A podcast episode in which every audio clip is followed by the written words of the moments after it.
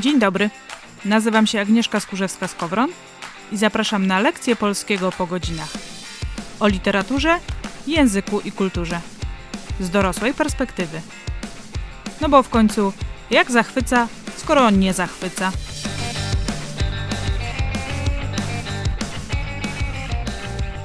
Dzień dobry. Dzisiaj wypłyniemy na suchego przestwór oceanu, a właściwie na przestwór metafory. Na początku, jak tworzyłam tekst, który najpierw był na blogu, a teraz staje się odcinkiem podcastu, to ten tekst miał tytuł Siła metafory. Ale tak pisałam, pisałam, wątki się mnożyły, rozrastały, pojawiły się dygresje, i zamiast takiej ogrodzonej przestrzeni pojawił się przestwór, niczym stepy akermańskie. No i stąd ten właśnie tytuł, bo no, taka też jest metafora. Na pewno nie jest ogrodzoną przestrzenią. Ale dzisiaj chciałam Ci pokazać, po co nam jest w ogóle metafora potrzebna w życiu. Chciałabym pokazać, że jej używamy, nawet jak myślimy, że nie używamy, więc znajdziesz tu trochę teorii, czym jest metafora, przykłady użycia metafory, pomysły na jej stworzenie, więc myślę, że będzie ciekawie. Zachęcam do wysłuchania. Zaczynamy.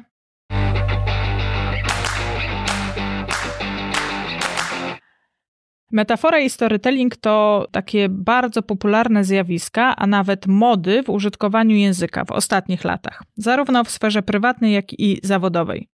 Bo wystarczy, że wpisałam w wyszukiwarkę hasło metafora i obok stron z opisem tego środka stylistycznego pojawiło się mnóstwo innych, mówiących o tym, jak metaforę można wykorzystać w komunikacji biznesowej, w twórczości, w terapii, w programowaniu neurolingwistycznym. I wniosek z tego płynie jeden. Jeżeli chcesz być skuteczny w swojej perswazji, w swoim komunikacie, musisz używać metafory. Bez niej twoje szanse spadają o połowę. Prawda to i fałsz jednocześnie. Bo fałsz o tyle, że ludzie jakoś żyją, pracują i sprzedają bez robienia map metafor, wymyślania zaskakujących połączeń i rozpoczynania tekstów od metafory. Prawda, bo według kognitywistów jesteśmy zanurzeni w metaforze niejako istotowo. Mówimy i myślimy metaforami, nawet jeśli nie uświadamiamy sobie tego. Bo czymże jest stwierdzenie o byciu zanurzonym w metaforze, jeżeli nie metaforą? Polecam w tym temacie książkę Lakoffa i Johnsona Metafora w naszym życiu, o której zresztą wspominają prawie wszyscy piszący o tym, jak ważna jest metafora w codziennym funkcjonowaniu.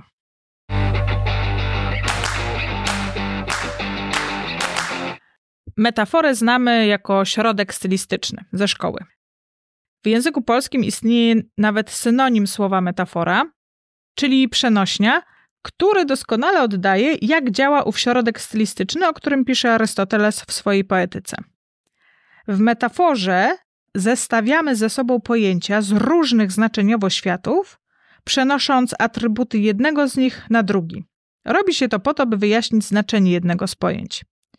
Czyli w takim wielkim uproszczeniu można stwierdzić, że kiedy Adam Mickiewicz napisał w swoim sonecie, że wypłynął na suchego przestwór oceanu, opisując stepy akarmańskie, to chciał w ten sposób powiedzieć, że stepy te są rozległe, bezkresne, niczym ocean. Warto tutaj dodać rozróżnienie między metaforą a porównaniem, bo to jest jednak co innego. Dla Arystotelesa metafora była skróconym porównaniem. I w pewnym sensie tak jest, chociaż jak zwykle nie do końca. Często da się przełożyć porównanie na metaforę i odwrotnie. Istnieje też coś takiego jak porównanie metaforyczne. Dobrym przykładem jest tu na przykład fragment z książki e, Nixie Natana Hilla, który stał się w ogóle przyczynkiem do tego fragmentu, o którym teraz mówię, bo tam jest takie zdanie: wyglądali jakby po cichu starali szyszkami. Jest to niewątpliwie porównanie, ale przecież wiadomo, że nikt szyszek nie wydala, a ma się to kojarzyć z bólem i chęcią natychmiastowego pozbycia się. I w ten sposób powstaje porównanie metaforyczne. Jednak różnica między tymi dwoma środkami stylistycznymi jest widoczna i istotna, a dotyczy tak zwanej warstwy głębokiej. I najprościej można wyrazić to symbolami. Je się łatwiej czyta, dlatego jakby co to zachęcam do zajrzenia do transkrypcji tego odcinka ale też powiem tutaj, porównanie mamy A jest jak B. Natomiast w metaforze A plus B daje nam C. I na przykład mamy porównanie. No, takie miałam ścieżki zawodowego rozwoju, które okazały się być kręte niczym algorytmy reklamowe Facebooka, które od wczoraj promują mi kurs na zostanie trenerem tańca towarzyskiego. Tutaj mamy porównanie ścieżki zawodowego rozwoju, kręte niczym algorytmy reklamowe Facebooka. Natomiast metafora z tego samego tekstu. Ale muszę Wam powiedzieć, że w gruncie rzeczy za wszystkie te zawodowe ścieżki i wyrysowane na nich pętle i zygzaki jestem szalenie wdzięczna. Tutaj mamy metaforę zawodowe ścieżki i wyrysowane na nich pętle i zygzaki. Porównanie jest określone, jasne w przekazie. Metafora jest niedookreślona. Odwołuje się do emocji i wrażeń, podlega również interpretacji.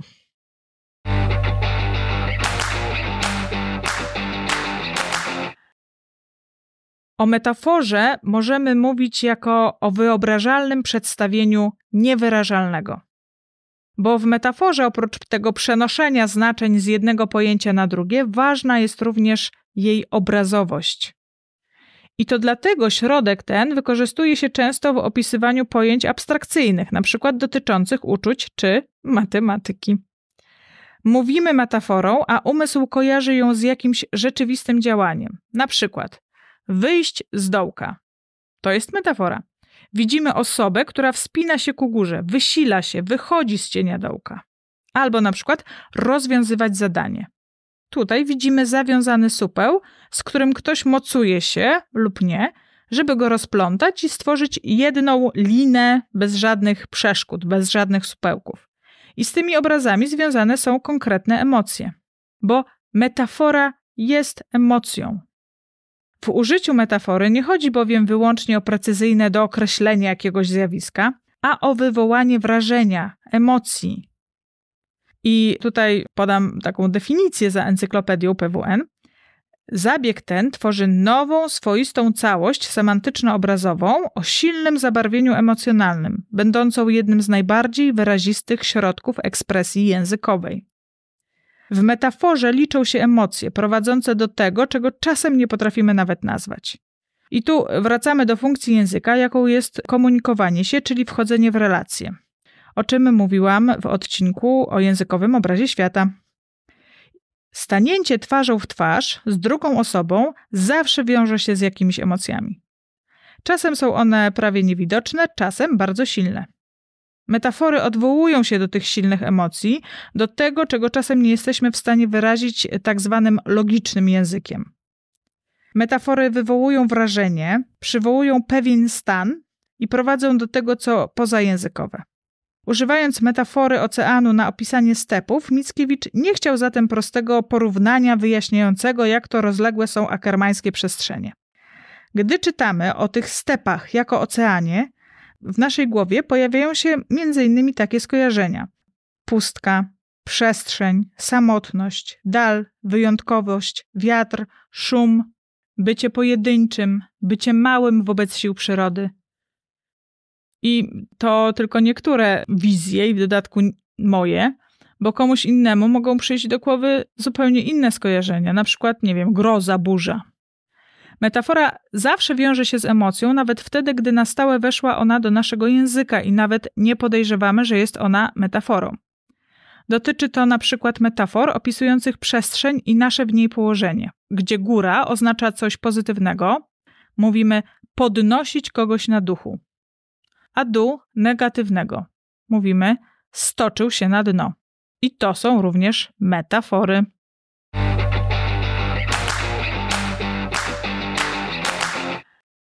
Metafora jest też źródłem oceny.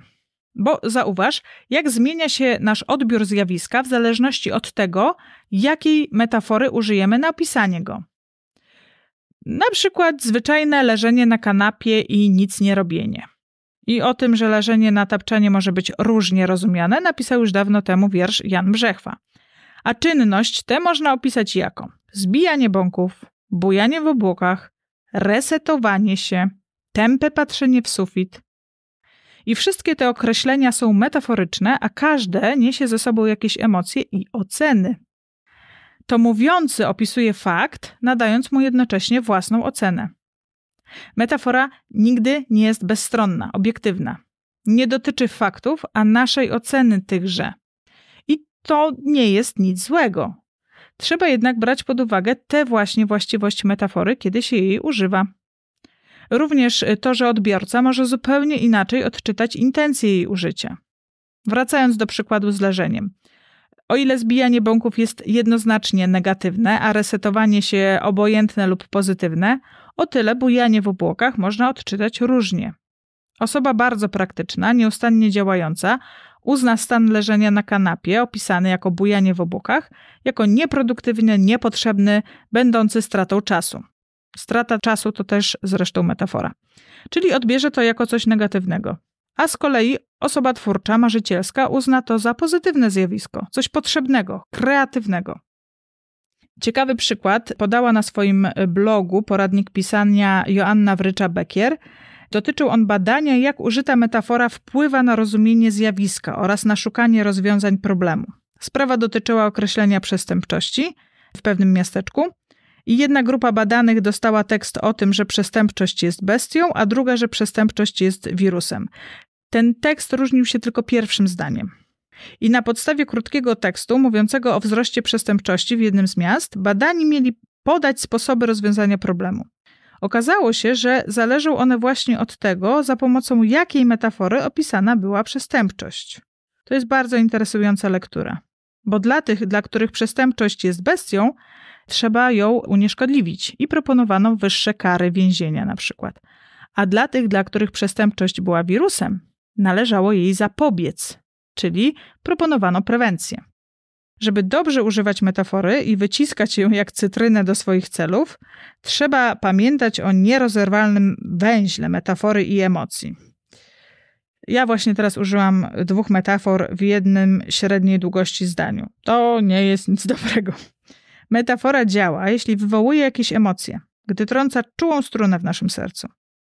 Wbrew pozorom, nie dzieje się tak zawsze i o tym, jak używać metafory, będę niedługo mówiła.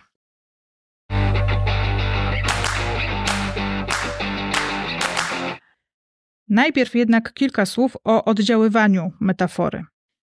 Na początku tego odcinka opisałam związek metafory z emocjami. I jest to ważne w świetle najnowszych badań psychologicznych i neurologicznych. Wiemy bowiem, że najłatwiej zapamiętujemy coś, co wywołuje w nas silne emocje.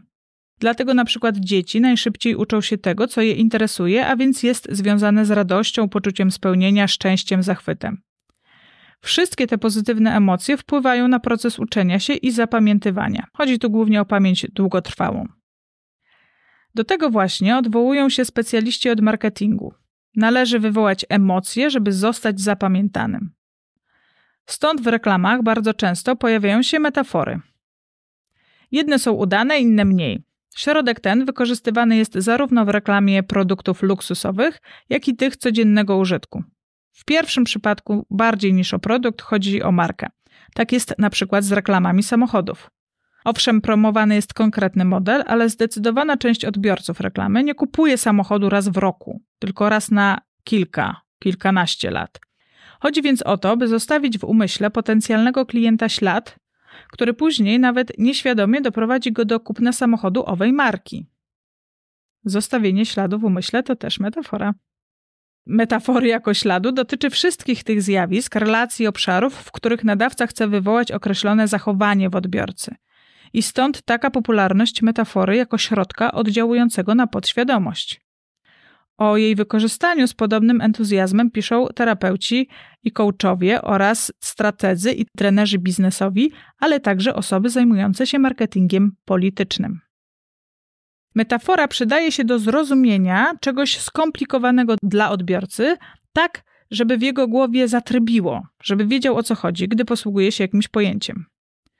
Metafora sprawdza się również, gdy w ogóle brakuje nam pojęć na opisanie jakiegoś zjawiska. I szukając materiałów do tego odcinka, trafiłam na bardzo ciekawy tekst naukowy z 1987 roku o metonimii i metaforze w matematyce. I nie wiem, czy wiesz, że matematyczny znak równości, czyli te dwie kreseczki, ma pochodzenie metaforyczne. Jak wejdziesz na stronie, to w transkrypcji odcinka znajduje się link do tego artykułu. Bardzo go polecam. I dzięki temu środkowi stylistycznemu, czyli dzięki metaforze, możemy też podkreślić jakiś szczególny aspekt omawianego zjawiska, zwrócić uwagę na coś, na czym nam zależy w odbiorze. Nic więc dziwnego, że metafora od zawsze była wykorzystywana w nauczaniu, niezależnie od tego, co było tematem owego nauczania. Wykorzystywali metaforę na przełomie II i III wieku naszej ery Orygenes i Klemens Aleksandryjski, tłumacząc prawdy wiary chrześcijańskiej i opisując nieopisywalnego Boga. Robili to Isaac Newton czy Leibniz w swoich dziełach matematycznych w XVII wieku. Robił tak w XX wieku Richard Feynman, fizyk, laureat Nagrody Nobla, podczas swoich wykładów do studentów i doktorantów. I możesz sobie przeczytać te wykłady, bo one się ukazały w formie książki pod zupełnie niemetaforycznym tytułem Feynmana Wykłady z fizyki.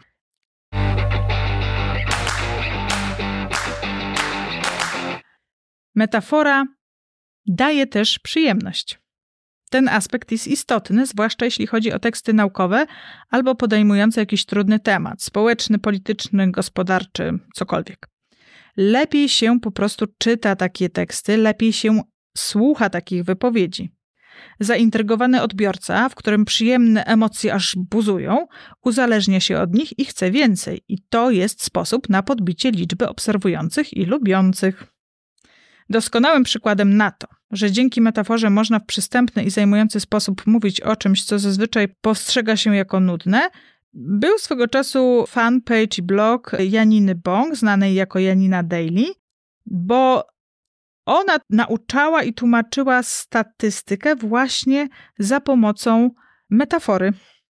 I ponoć najnudniejsze zajęcia na socjologiach, psychologii i tak dalej, nie wiem, bo nigdy nie miałam, jest statystyka.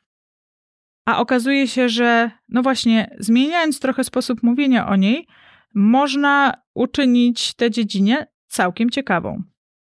Bo autorka tego bloga opowiada o statystyce w taki sposób, że nawet gdy nie rozumie się wszystkiego, przyjemnie jest posłuchać lub poczytać, a dzieje się tak między innymi za sprawą barwnych i udanych metafor, jakich używa.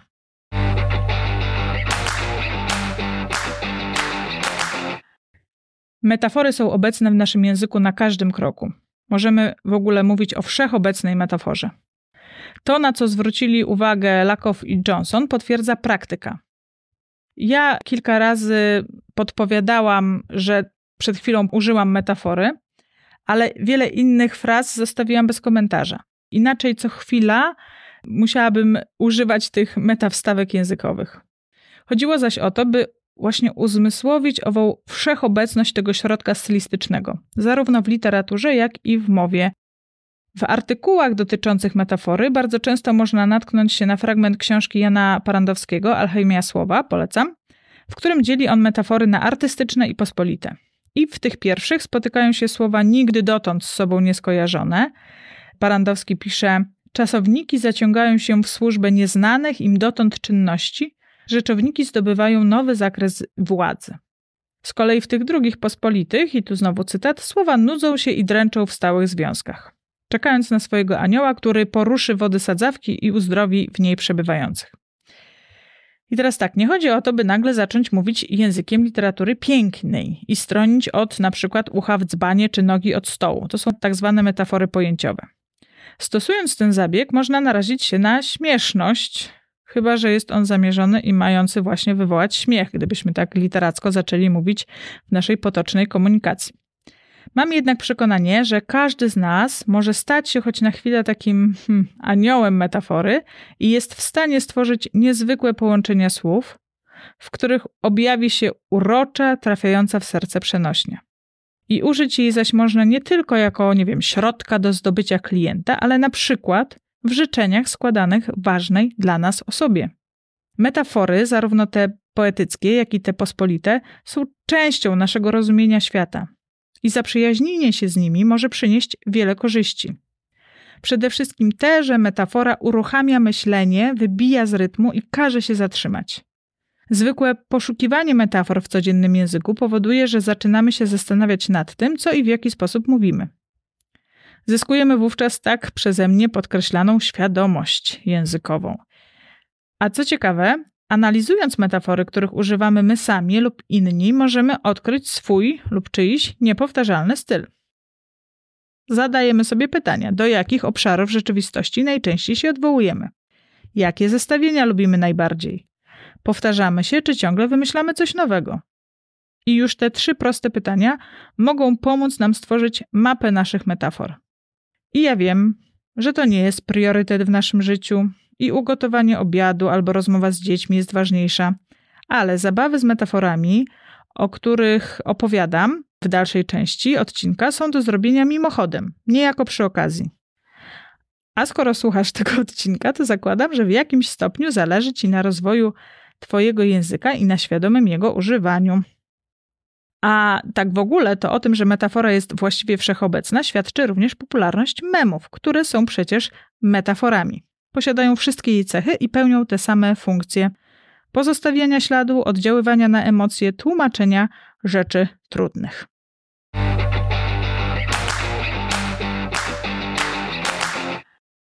No i teraz, jak w ogóle używać metafory?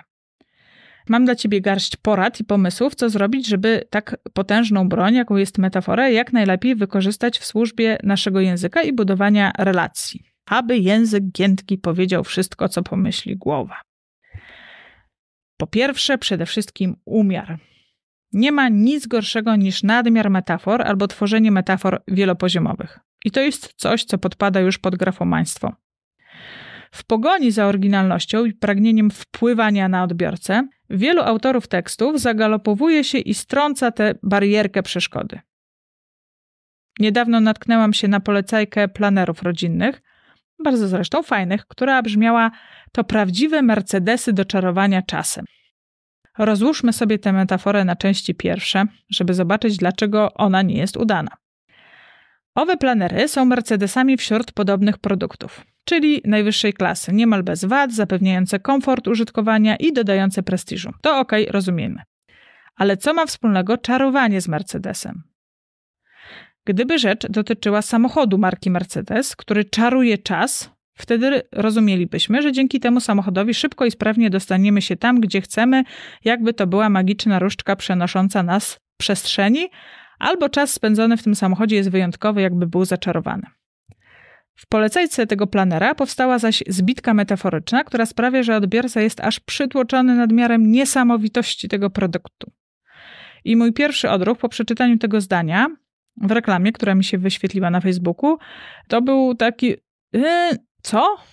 I musiałam jeszcze raz tę reklamę przeczytać. Swoją drogą to można uznać za udany chwyt marketingowy, bo ta nieudana metafora skłoniła mnie do tego, żeby zobaczyć, co to jest to dziwo zachwalane w ten sposób. Aczkolwiek planera nie kupiłam. I ja w kilku miejscach w czasie tego odcinka również przesadziłam z metaforami. I zrobiłam to specjalnie, a w jednym miejscu nawet zwróciłam na to uwagę. A ty w transkrypcji odcinka możesz wrócić do tych miejsc i sprawdzić, co wywołało w tobie to nagromadzenie metafor i czego nie chcesz osiągnąć w swoim komunikacie. Druga ważna rzecz w używaniu metafory to świadomość tego, że odbiorca ma znaczenie. Komunikując się z większą grupą ludzi, nie sposób oczywiście założyć, że wszyscy są na tym samym poziomie wiedzy, rozeznania w trendach kulturowych itd. Tak Dlatego, gdy grono naszych odbiorców jest duże, warto wybierać metafory ogólnie zrozumiałe, odwołujące się do znanej wszystkim codzienności. Gdy zaś ten krąg jest mniejszy, wyspecjalizowany, można zacząć tworzyć metafory nastawione na konkretne obszary. Na przykład, gdy prowadzimy fanpage o robieniu na drutach, rozwijamy kłębki naszych metafor związanych z tym tematem. No, słychać. Gdy siedzimy wśród fanów motosportu, a zwłaszcza Formuły 1, to był taki czas, że nie warto było zachwalać swojego produktu jako Ferrari świata wyścigowego, a już zwłaszcza nie porównywać proponowanej strategii do strategii Ferrari, bo akurat był taki moment, że ta strategia była tragiczna i zespół Ferrari no, był daleko za pierwszym wówczas w klasyfikacji Mercedesem. Przykłady można mnożyć, a zapamiętać należy to, że metaforę dostosowujemy do odbiorcy. No i trzecia, zalecenie w sprawie używania metafory to celuj w celność, a nie oryginalność. I ten punkt wiąże się z punktem pierwszym. Bo w pogoni za oryginalnością zapominamy bowiem często o celu metafory. I w przeważającej większości nie chodzi o nią samą, a o przekaz, jaki niesie. I czasem zwykła, pospolita metafora dobrze użyta może sprawić cuda i poruszyć wody owej sadzawki. Na przykład zdanie solidna dawka wiedzy. Mamy tu metaforę farmaceutyczną. Dawkujemy lek, a więc nasz produkt jest lekiem, a problem, który rozwiązuje chorobą. A że nikt nie lubi być chory, no to wiadomo, że uda się po lekarstwo. Proste to, a jak skuteczne. I to jest również przykład z reklamy, która kiedyś mi się wyświetliła na Facebooku. A na koniec czwarta rzecz, ważna jeżeli chodzi o używanie metafory. Baw się. Świadome używanie języka to nie ma być orka na ugorze, a raczej swobodne surfowanie po mniejszych i większych falach języka. Czasem nas może zrzucić z deski, ale zasadniczo chodzi o to, żeby fajnie pływać po tych falach.